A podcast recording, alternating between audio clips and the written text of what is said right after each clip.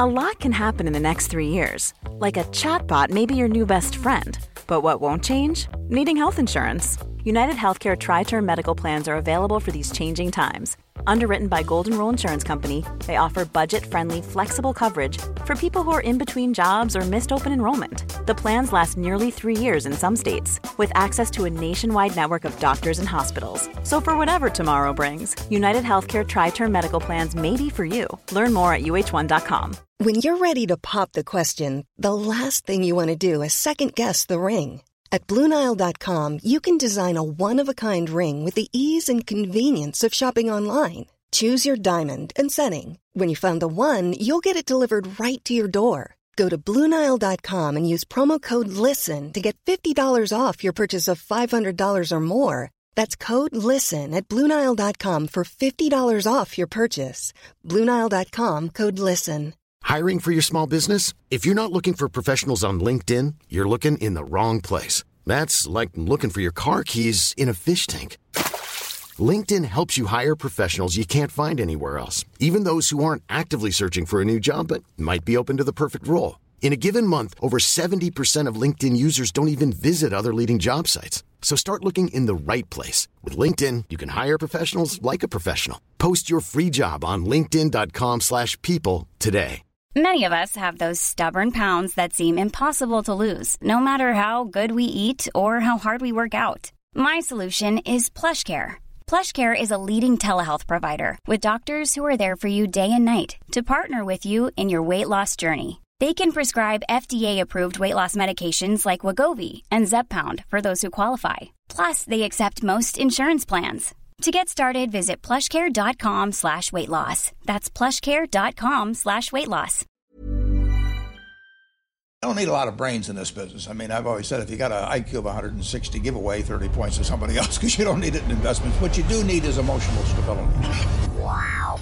Very first tech IPO, and it's a big one. Stock market hit an all-time record high today. A crash is coming now, whether it's six months from now, 12 months, 36 months, no one knows. There's a bear market about every five years. We've gone eight years without one. People have to realize this is the biggest IPO ever.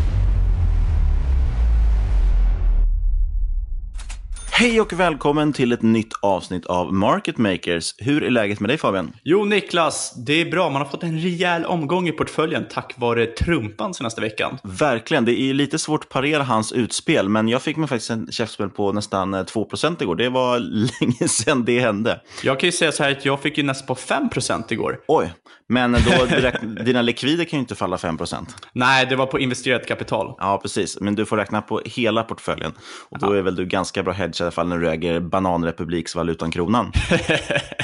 Det är ju så att eh, Stockholmsbörsen är faktiskt ner nästan 2% senaste veckan. Och det betyder att i år har vi ju ja, knappt 1% uppgång om man räknar in utdelningar. Tar man bort utdelningarna, så titta på det här OMXS30, då är vi ner närmare 3% i år. Lägg då till inflation på runt 2% som jag dock tror är mycket större om man eh, räknar på ett annat sätt än vad Riksbanken gör. Också att kronan har tappat faktiskt 8% mot dollarn eh, och även likartat då mot andra stora valutor. Det är helt enkelt så att i reella termer har faktiskt svensken blivit rejält fattig i år, eller vad säger du? Ja, alltså det är 8% year to date, men det är 15% vi har tappat mot dollarn sedan toppen i år. Och det är, det är helt sinnessjukt. Och det här är ju liksom mitt i, i toppen på en fantastisk högkonjunktur när vi borde bli, liksom, borde bli sådär rika som vi tror att vi är i Sverige. Men ja, vad vet jag. Vad ska vi prata om idag i alla fall Fabian? Vi ska prata om ett, eh, ett land som håller på att bli rikt. Ja, vi ska snacka väldigt populärt senaste månaden. Det är kinesisk tech. Och det här avsnittet kommer bli lite av en upptakt till nästa veckas intervju med Tom Chong och Jakob Löfven från Digitala Draken. Ja, det ska bli sjukt spännande. Vi, både du och jag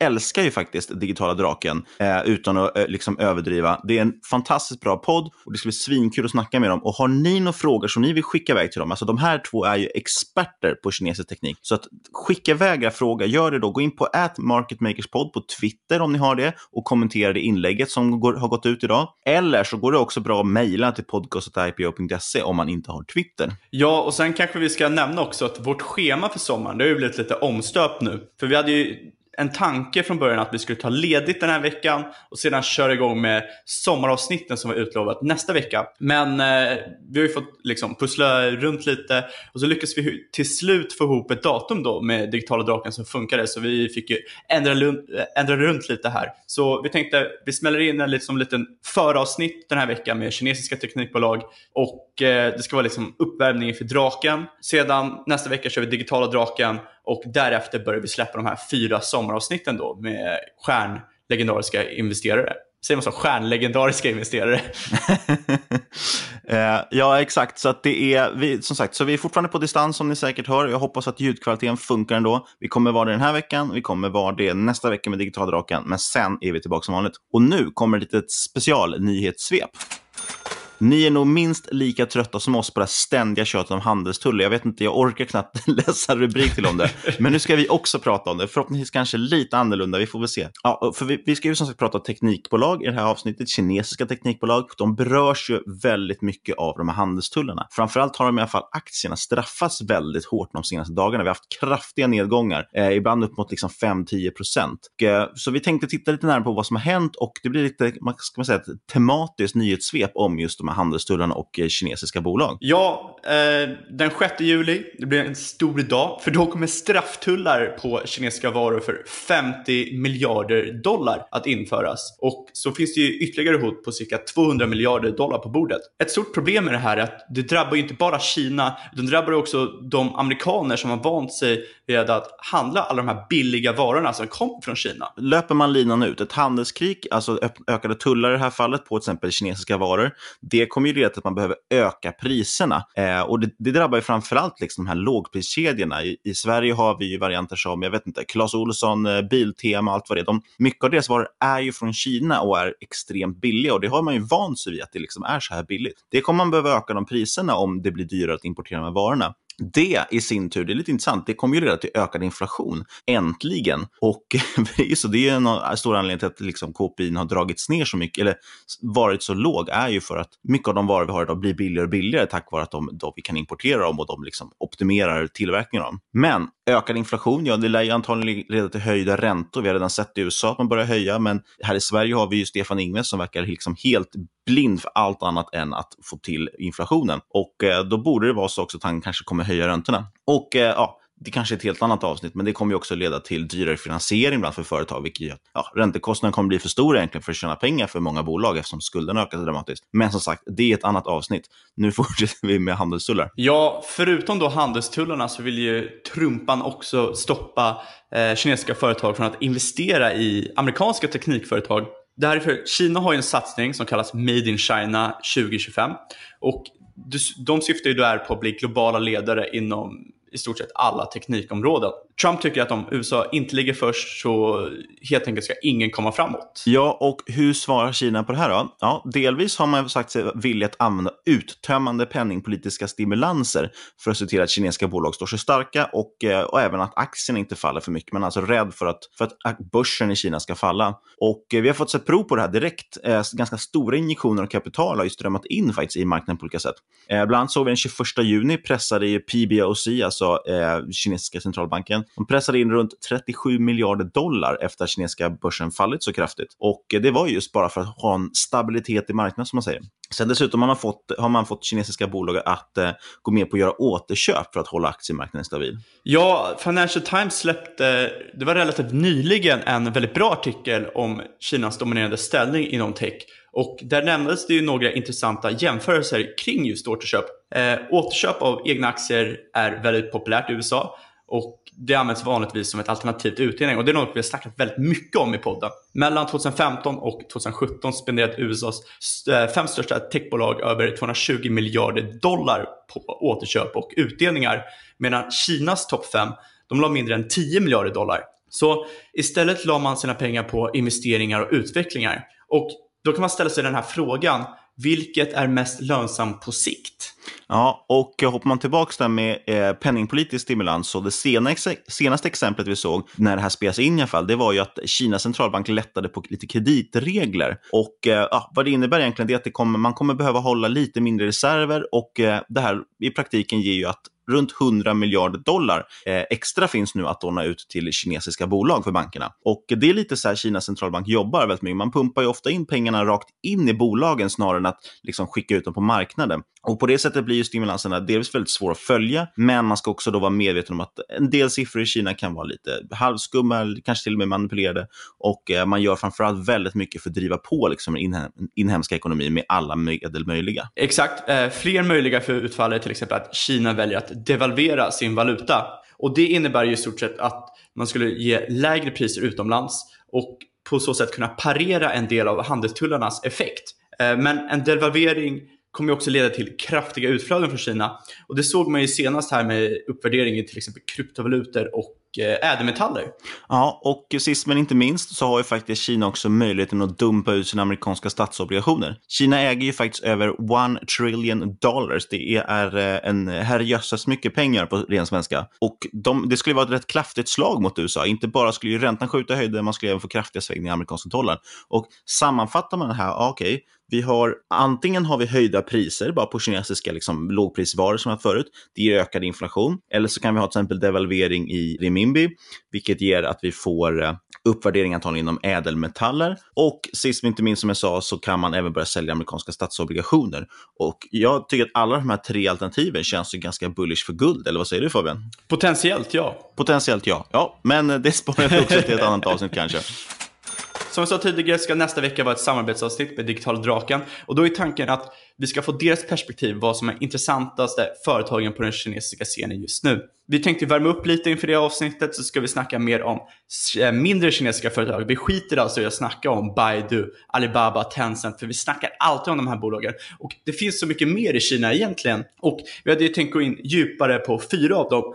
Och det är de här superpopulära hype-raketerna Ikiji och Huya Eh, streamingjätten YY och den dolda e-handelsjätten JD.com. Vad tycker du om det Niklas? Det låter grymt och det som ska nämnas är att alla de här bolagen vi kommer nämna idag faktiskt är ju eh, listade i USA. Så de är väldigt lätta att handla. Jag, vet, jag får väldigt ofta faktiskt frågor eh, på Twitter just om så här, men vad tusan, vad handlar man Tencent någonstans då? För det är lite knepigt eftersom den inte finns noterad i USA, som till exempel Alibaba eller de här vi ska prata om idag. Men alla de här bolagen finns faktiskt noterade i USA och är väldigt lätta att handla oavsett vilken nätmäklare man har. Så vi börjar väl med Aikiji, eller IQ som deras sticker är. Det är ett roligare namn tycker ja, jag. Ja, det är lite lättare att säga IQ än Aikiji. Låter lite smartare också. Ja, så är det Men, Fabian, ja. är det det som är smart money? När man investerar i IQ?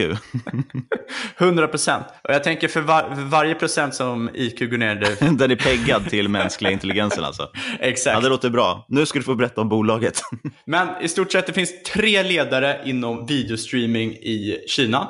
Du har Alibabas Yokotudo, du har Tencent Video och så har du Baidu-backade Ikiji. Och de två senare är i stort sett solklara ledare i gamet. Ja, och som du nämnde, det är alltså Baidu som egentligen äger från början Ikiji och har liksom not särnoterat det här också. Cirka 60 procent andel. Precis. Och eh, IQ, de brukar kallas för det kinesiska Netflix. Det är ofta så man sätter den här typen av etiketter på för att det ska bli snabbt och lätt att förstå bolaget. Det har ju dock inte så jättemycket att göra med Netflix. Eh, men det är ett intressant bolag. Det har varit otroligt mycket hype kring det här sedan vi pratade om The Market Makers. Eh, hur stor effekt vi faktiskt haft på det, det vet jag inte. Men antalet ägare på Avanza har ökat kraftigt. Kan dock snarare kanske bero på att bolaget har stigit liksom över 100 procent senaste tiden. Men eh, man har i alla fall också levererat positiv nyhet på nyhet, vilket är intressant. Man har bland annat dragit igång ett lyckat partnership med handelsbolaget JD.com, som vi ska prata om lite mer om senare. Och eh, det där avtalet till exempel, det drog in en miljoner subscribers på bara några veckor. Ja, och det som är intressant med IQ och andra streamingbolag är ju att den här eh, online-videosektorn i Kina förutspås bli liksom en av de störst växande, snabbast växande sektorerna de kommande åren.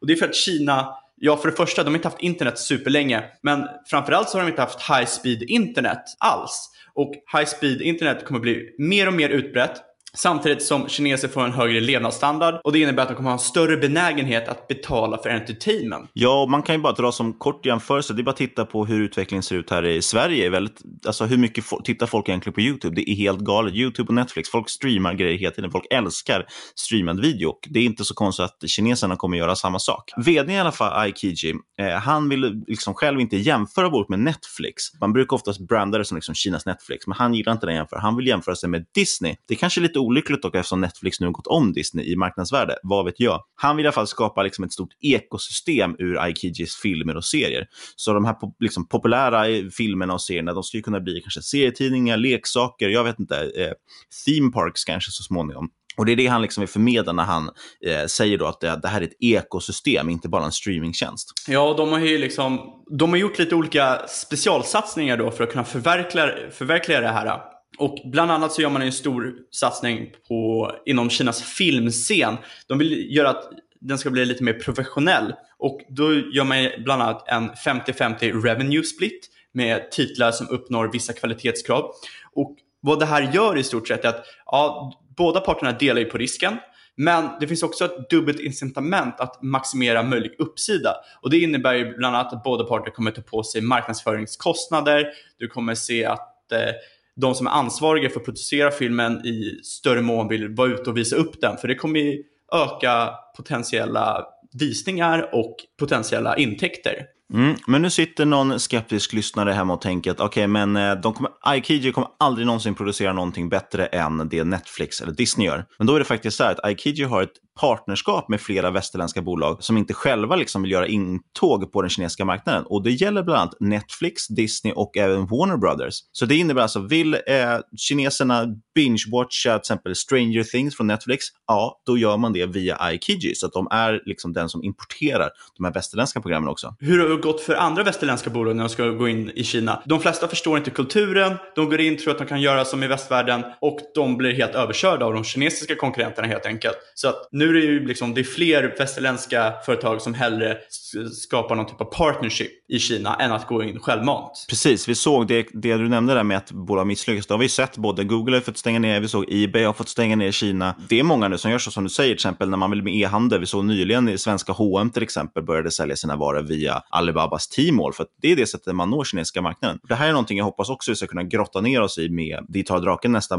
vecka också, som har liksom ännu mer erfarenhet av det här. Aikiji, det har i alla fall stigit över 100% sedan sin IPO i mars. Det är galet snabbt, men å andra sidan har man också en omsättningstillväxt med 50% year on year. Dock är fortfarande bolaget inte lönsamt och man guidar ju faktiskt också för fortsatta förluster just för att man har väldigt stora investeringar som ska göras innehåll.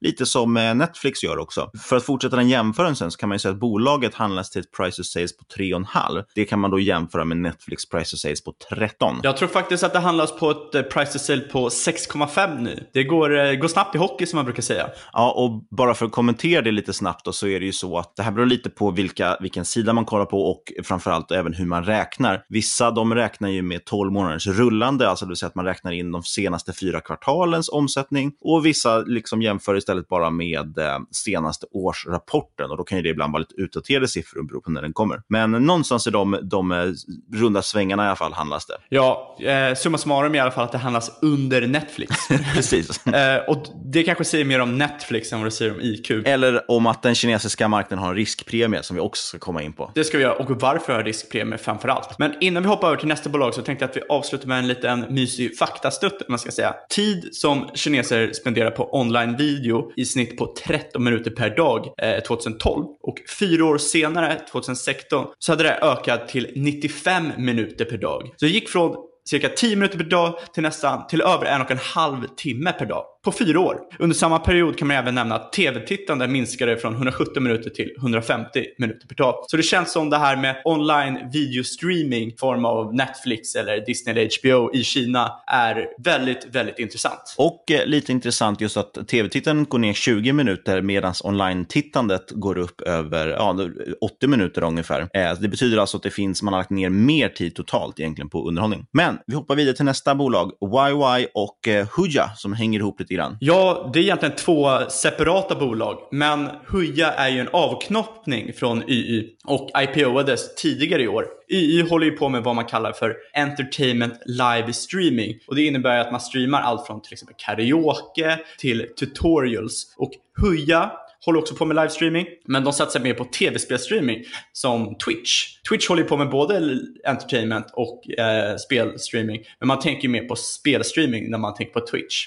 Och vi kan ju bara nämna kort, om inte folk vet det så ägs ju Twitch av Amazon, kan ju vara lite intressant att veta. Ja, de köpte ju eh, Twitch för cirka en miljard dollar. Och jag tror att det var två eller tre år senare så gick det rykten på att Twitch levererade, eller var värderad till rättare sagt, 20 miljarder dollar. Så det var i alla fall en bra affär. Hyfsad return on invested capital som man säger. Snyggt. I alla fall, Hooja och eh, YY, båda bolagen har haft en otrolig tillväxt och eh, nu i första kvartalet så ökade de monthly active users, MAU förkortas det bara så att ni vet, det är ett uttryck vi kommer använda flera gånger. Eh, de ökade i alla fall MAU med cirka 25 procent och YY, de ökade sin omsättning med 50 procent year on year och Hooja med faktiskt över 100 procent. Det är en rätt kraftig tillväxt. Det som är intressant med de här bolagen är att de tjänar pengar på två sätt. Dels via ads, men dels också via något som kallas virtual items som faktiskt står för en majoritet, väldigt stark majoritet majoritet av deras revenue. Och de här virtual items används som en typ av social valuta som livestreamare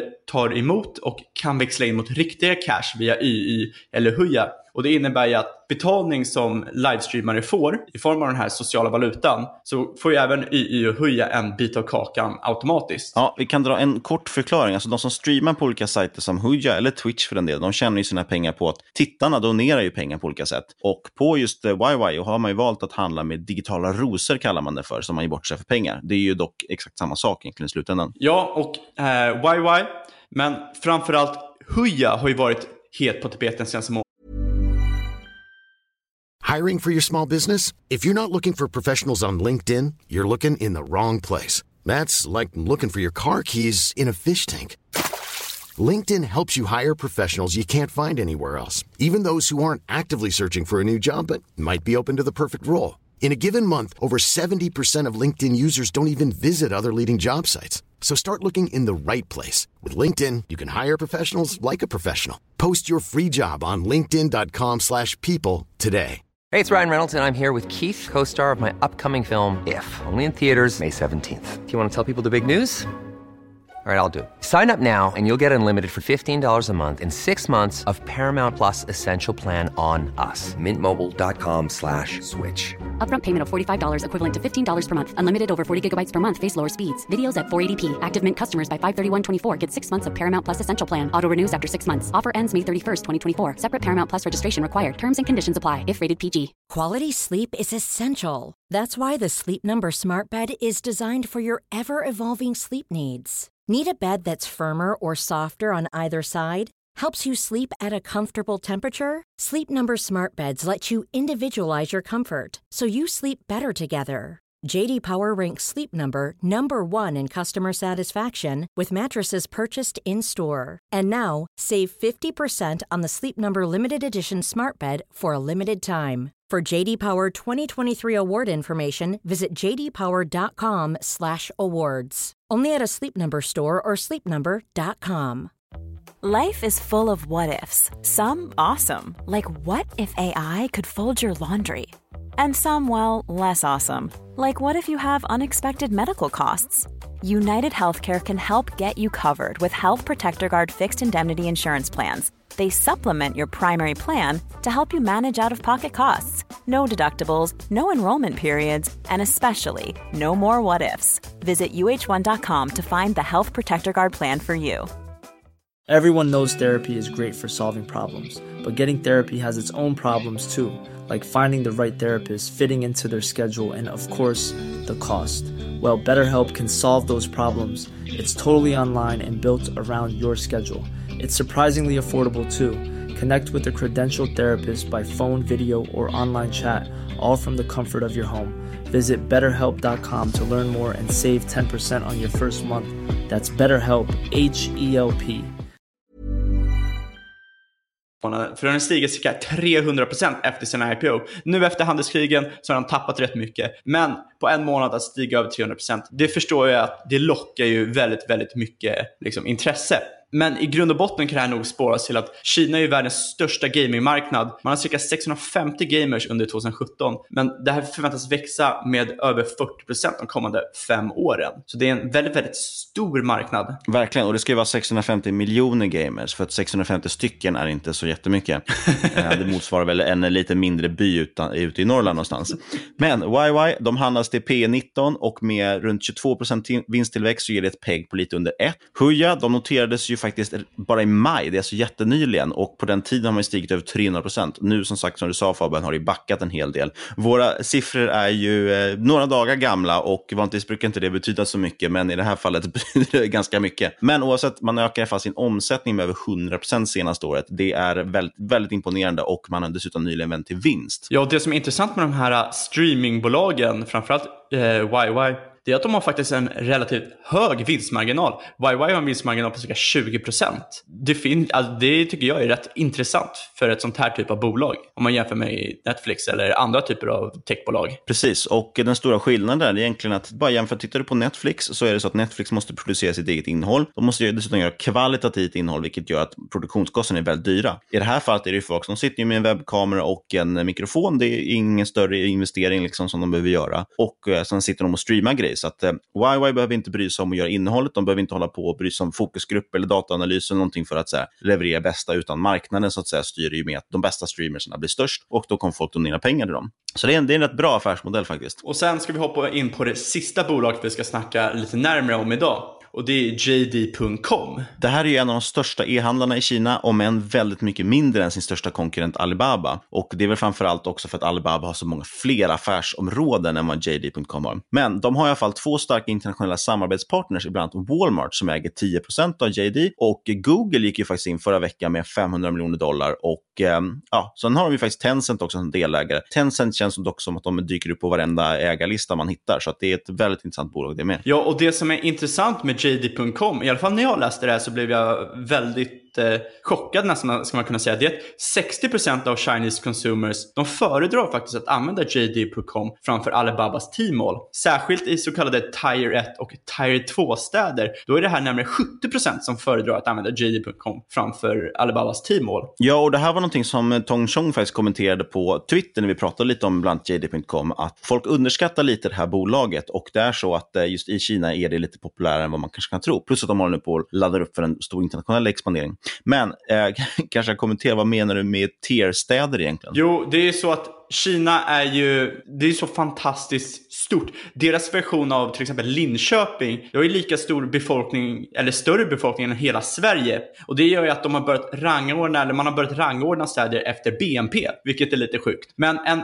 till rätt stad, då har man en snitt BNP på cirka 15 000 dollar och en tier 3 till 6 stad så ligger vi närmare på 5 till 10 000 dollar per capita då. Så varför är JD.com inte större än Alibaba? E-handel har egentligen tre stora faktorer som är väldigt viktiga. Man har produktsortimentet, man har produktkvaliteten och sen också leveranshastighet. Och JD de slår ju faktiskt både Tmall och Taobao som ägs av Alibaba på de senare två. Men det är just produktsortimentet som JD brister lite grann. Ja, exakt. De har ju mindre produktsortiment och då är det klart att folk kommer vända sig och använda Alibaba.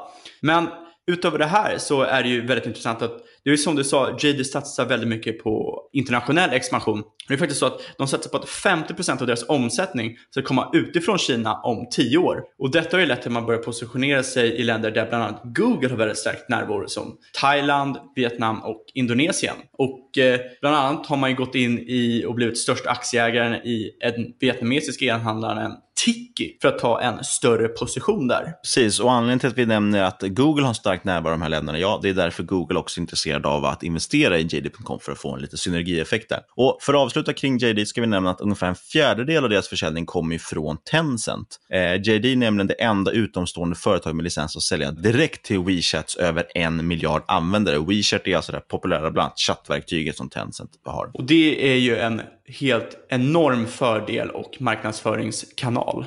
Eh, men JD är dessutom en världsledare inom självkörande leveranser. Och det här är väldigt coolt och något som kan öka den idag lövtunna marginalen. Man har ju knoppat av det som kallas JD Logistics och JD Finance från JD.com och eh, det är ju privata bolag men man äger fortfarande en majoritet eh, av de här bolagen. Sen satsar man ju väldigt hårt på utveckling av robotar, eh, drönare, självkörande bilar och mycket annat som ska automatisera den stora delar av leveransprocessen. Men som sagt, marginalerna är lövtunna idag och det ger ett P på över 300. Men man betalar dock under 1 i price to sales. Jag har för mig att det är cirka 0,8 och med en 40% i omsättningstillväxt är man på framfart. Och då måste man ju liksom tänka, ja, lövtunna marginaler, men varför har man lövtunna marginaler? Det är ju för att man expanderar och det är annorlunda än att ha lövtunna marginaler för att man har till exempel en kass supply chain som äter upp alla pengar i mitten. Några andra som har tunna marginaler är Amazon. De handlas till ett P över 200, men deras price to sales är 4. Det betyder att man betalar fyra gånger så mycket för varje omsatt krona jämfört med om man köper JD.com. Intressant. Och sen innan vi går vidare så tänkte vi snabbt ta upp lite fler intressanta bolag. Däremot tänkte vi hålla det lite kortare än vad vi gjort med de här fyra senaste bolagen.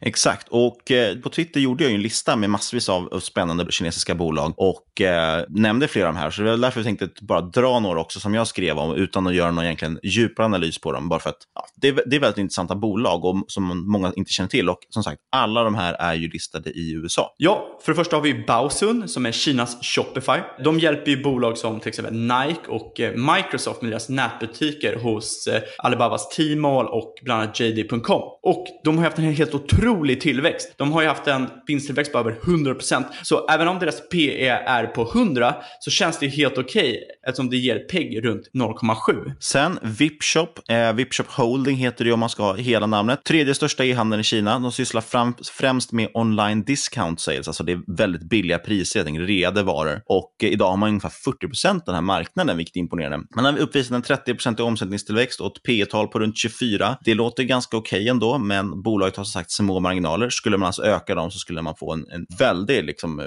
billig värdering på bolaget. Men det är faktiskt trots allt en e-handel vi pratar om. De säljer prylar på nätet och eh, gör dessutom till rea, så det, det, kan vara svårt att få upp marginalen i en sån verksamhet. Sen har vi även Autohome som säljer bilar online och det är ju faktiskt en kraftigt växande sektor i Kina. Och där är det väldigt, väldigt väldigt intressant tycker jag. De uppvisar inte bara en grym vinsttillväxt, utan de har ju en bruttomarginal på över 80%. Och det, det är ju faktiskt helt galet högt för en, eh, ja, en eh, onlinefirma eller vad man ska säga. Deras största konkurrent är BitAuto som också finns noterad i USA faktiskt. Och de handlas till ett PEG på 0,7 och ett PE på 40. Så stark vinsttillväxt. Eh, Momo också har vi, en lite allt i allo-plattform. Den är väldigt svårt tycker jag att få grepp om. Ibland omnämns det som Kinas Tinder. Det är väldigt långt från sanningen. Det liksom, har liksom bara blivit en liten spin-off. Men i grunden handlar det om någon form av social egentligen, interaktion med andra kineser då, eller med andra användare. Och det har ju ibland lett till att man har en liten underdel där folk då har lyckats hitta dejter. Ja, alltså rent allmänt så tror jag att det är svårt för oss i väst att riktigt greppa de här plattformarna. För vi har ju ingenting liknande. Vi har ju liksom Facebook Messenger. Vad gör vi där? Vi liksom kör Messenger. Så har vi vanliga Facebook. Och vad gör man där? Jo, man sitter och kollar på roliga kattbilder. Men här har du liksom en app som drar ihop allting. Du har allting från Netflix till Facebook till Uber. Jag, jag tror att det kan vara lite svårt att få grepp på det om man inte själv sitter och använder det dagligen. Så är det. Och framförallt blir det extra svårt som till exempel, jag kommer åt, jag har försökt ladda ner WeChat i Sverige för att titta på det. Eh, men om du då går in på den västerländska Google Play-butiken till exempel och laddar ner WeChat, då får du ju en västerländsk variant som faktiskt bara är en chatt. Det är ju som en än eh, WhatsApp och då blir det också en ganska felaktig bild. Men i alla fall Momo, de, vi ska inte fastna i det, men de är en allt i allo-plattform likt WeChat då, från Tencent. De har allt från dating, sociala medier, spel, streaming och mycket, mycket mer. 100 miljoner eh, MAU, alltså monthly active users handlas det ett PE på 17, PEG runt 0,7. Eh, kan bara nämna snabbt varför nämner vi oss ofta PEG? Det är ju egentligen bara för att ge en snabb fingervisning om vinsttillväxten. Så i det här exemplet, om vi säger att PE är 17 och vinsttillväxten överstiger PE talet då får man ett PEG under 1. Och det, det ger att man får en ganska snabb bild av hur snabbt bolaget växer, tycker jag i alla fall. Ja, exakt. Eh, PE och PEG, inget av dem är klockrena nyckeltal, men det ger ju en snabb fingervisning om hur bolaget är värderat. Självklart ska man inte bara gå på det här om man ska investera. Verkligen inte. Det man vill få till är som sagt, man vill få väldigt snabbt en blick i alla fall om det handlas, om det gör vinst, eh, ungefär hur den handlas i förhållande till vinsten och om de växer sin vinst. Det är det man får ut av de talen väldigt, väldigt fort. Så det kan i alla fall vara intressant att nämna. Ja, och det är det som är intressant med de här kinesiska techbolagen är ju att de har ju en fantastisk vinsttillväxt till skillnad mot många eh, amerikanska techbolag. Och det är mycket också för att den kinesiska techserien är i sin linda. Det är extremt många användare som är på väg ut och börjar skaffa internet och hitta sina favorittjänster. Men nu går vi vidare till nästa snabba bolag. Ja, 58.com som kan liknas till Kinas Blocket eller Craigslist. Och de har en dominerande 80% marknadsandel. De har ju en 91% bruttomarginal och ett PEG på helt otroliga 0,01. Och Det är troligtvis det lägsta jag har sett. Och det är för att man har senaste året uppvisat en vinsttillväxt på över 5000 procent. Har du hört en sån fantastisk eh, vinsttillväxt, Niklas? Nej, det har jag inte gjort och eh, den är antagligen, jag höll på att säga falsk, men det är den ju inte. Men man måste tänka på vad man jämför med. Det är alltså troligtvis antingen någon engångspost eller så är det så att man hade extremt, extremt låg vinst förra året och då blir den här siffran upplåst. Eh, men jag måste erkänna att jag har faktiskt inte hunnit kika riktigt närmare på vad det beror på. Eh, men samtliga bolag de har 35 omsättning, omsättningstillväxt och det låter kanske lite mer rimligt. Det jag tycker man ska nämna är väl att frågan är hur relevant den här plattformen kanske kommer framöver. Varför ska man inte bara handla genom till exempel WeChat eller Momos app och så vidare? Eh, det får vi se, men det är ett lite intressant bolag i alla fall. Ja, vi kanske till och med får veta mer om det nästa vecka med Digitala Draken. Exakt. Och sista bolaget vi bara ska nämna, som är en, en liten favorit också tycker jag i alla fall, det är C-Trip. Det är lite kinesiska Priceline då. Det är alltså Kinas största resebyrå. Och de gynnas ju av den här stora sekulära trenden med en växande medelklass i Kina. Det betyder att fler har råd att resa och dessutom satsar man på en internationell expansion och eh, finansieringslösningar och massa andra intressanta grejer. Sen är det jäkligt intressant. De jobbar ju extremt datadrivet liksom i sin management och det är en av de delarna som gör att jag blev rätt intresserad av bolaget och framförallt tycker att det kanske är lite mer tech än bara en resebyrå på nätet. Det är ju någon, en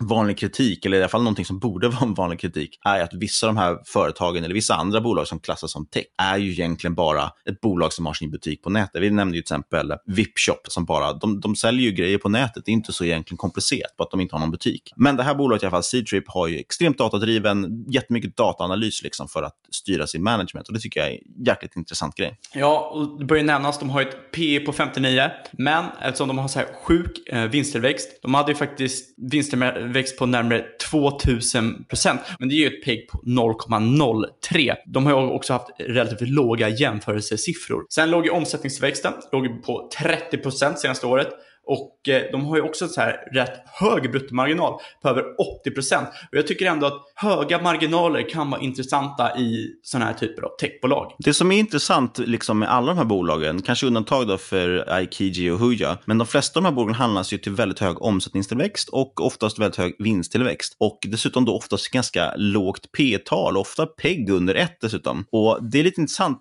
liksom, delvis är det intressant att se på den omsättningstillväxten, den tror inte jag kommer fortsätta för evigt, givetvis, inget kan växa för evigt, men som som vi nämner så är det många nya kunder helt enkelt, som inte har funnits. Det är ändå en marknad som öppnas upp. Men eh, liksom, det vore intressant att grotta ner sig kanske lite i varför de här bolagen är så billiga relativt sett till amerikanska peers. Ja, den absolut största anledningen, det är ju något som kallas för Kina-riskpremien eller vad man ska säga. Och i stort sett innebär det här ju att man betalar för att Kina, de har historiskt sett varit ett relativt riskabelt land att investera i. Man har inte alltid kunnat lita på att företagen har varit legit. Eh, Kina fortfarande använder en annorlunda typ av redovisningslagar vi i väst har och man kan ju fortfarande inte helt lita på regeringen som man såg när Xi Jinping gick in och blev i stort sett en diktator för landet nu. Och eh, att man inte kan lite på regeringen kan vara lite läskigt för att i stort sett gillar inte regeringen ditt företag är du körd. Du måste ha kontakter i regeringen för att kunna operera. Eh, så det är inte mycket till fri marknad där i Kina, oavsett hur mycket man vill. Tro på det. Kort kommentar också kanske om det här med att man inte använder redovisningslagar. Eh, I USA har vi någonting som heter GAP, som är Generally Accepted Accounting Principles. Det är alltså liksom standarden man ska använda när man eh, bokför och redovisar. Och det är jätteintressant för att vi ser fler och fler bolag och det är väl typ en del av den här bubblan kanske vi är i på sätt och vis, är att man går ifrån det man kallar då för non-gap och man har sådana adjusted, liksom, justerade nyckeltal och det ena och det andra. Och, eh, jag vet inte, man kan säga massor om det och vi har pratat lite om det tidigare. Jag vill bara nämna det att man ska vara lite försiktig med att titta på den typen av justerade nyckeltal. För att eh, ja, du ska lita på de riktiga nyckeltalen, inte de justerade. Men förhoppningsvis i alla fall, de här bolagen som jag pratat om, de är ju noterade på Nasdaq och New York Stock Exchange, alltså i USA. Och ja, kanske förhoppningsvis känns det lite säkrare i och med att de då går under SEC. Men det behöver inte betyda att det är helt korrekt. Det behöver inte heller det betyder att management är särskilt aktieägarvänliga. Eh, tittar till exempel på ledningen i YY så lade de fram ett förslag om att köpa ut bolag från börsen mitt under den här 2015-kraschen i Kina. Eh, kanske lite väl opportunistiskt. Ja, och Förutom detta så finns det ju fler bolag som har någonting som heter mezzanine finansiering. Och det betyder i stort sett att ett bolag är finansierat med en hybrid av aktier och lån. Och detta är ju inte ovanligt utanför Kina, men det är kanske är många som är ovana via liksom ser det här i rapporter eller om du bara sitter och kollar på olika typer av nyckeltal. Men allt är i alla fall inte frid och fröjd i kinesiska bolag. Jag tror att man bör göra en liksom ordentlig analys innan man faktiskt går in och börjar handla i de här bolagen. Ja, exakt. Men en intressant sak jag tycker man ska ha i åtanke är att de här stora kinesiska techbolagen, de har ju valt att lista sig utanför Kina på den amerikanska börsen. Och det här är ju för att de har velat historiskt sett undvika olika typer av barriärer som, och regleringar som krävs för att börsnotera sig på fastlandet Kina. Det det här har lett till, det är att vanliga kineser, de har inte kunnat investera i bolag de själva använder. Nej, tänk om rollerna skulle vara vända och du skulle använda liksom Nordea som bank, men Nordeas aktier skulle endast kunna handlas av eh, kineser. Eh, Nordea kanske inte ens har verksamhet i Kina, men den skulle ändå bara kunna handlas där. Och eh, det kan i sig också vara en anledning, utan, utöver den här Kina-riskpremien som vi pratar om, till varför de här bolagen handlas så billigt. Eh, bara för några år sedan visste ju knappt investerare vilka Alibaba var och hur många har fram tills nyligen faktiskt haft koll på de här kinesiska liksom, småbolagen i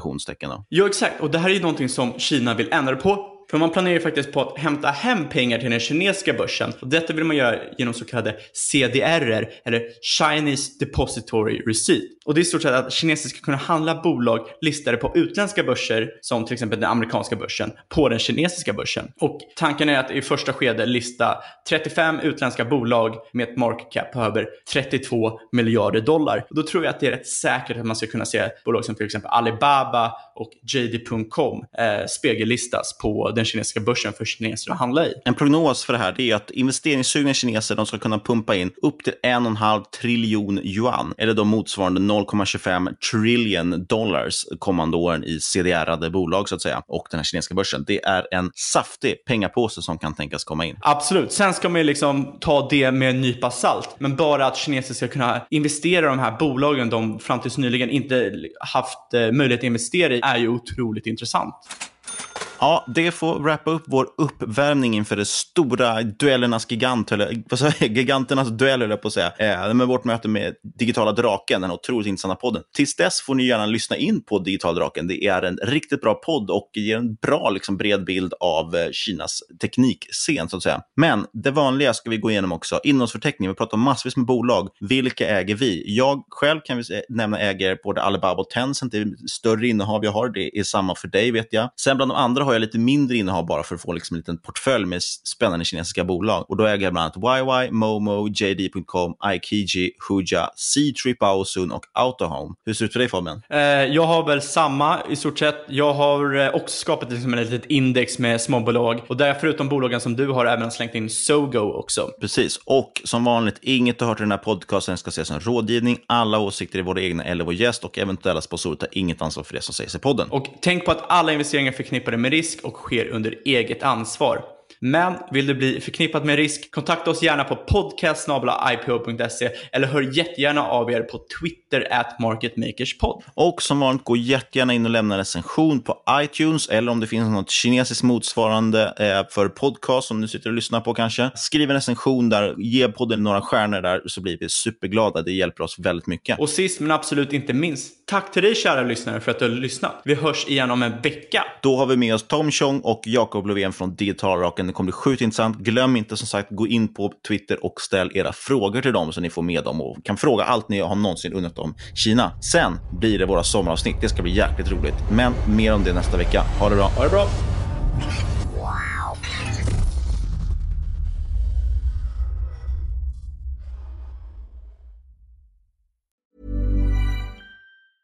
Mom deserves the best, and there's no better place to shop for Mother's Day than Whole Foods Market. They're your destination for unbeatable savings, from premium gifts to show-stopping flowers and irresistible desserts. Start by saving 33% with Prime on all body care and candles. Then get a 15-stem bunch of tulips for just $9.99 each with Prime. Round out Mom's menu with festive rosé, irresistible berry chantilly cake, and more special treats. Come celebrate Mother's Day at Whole Foods Market.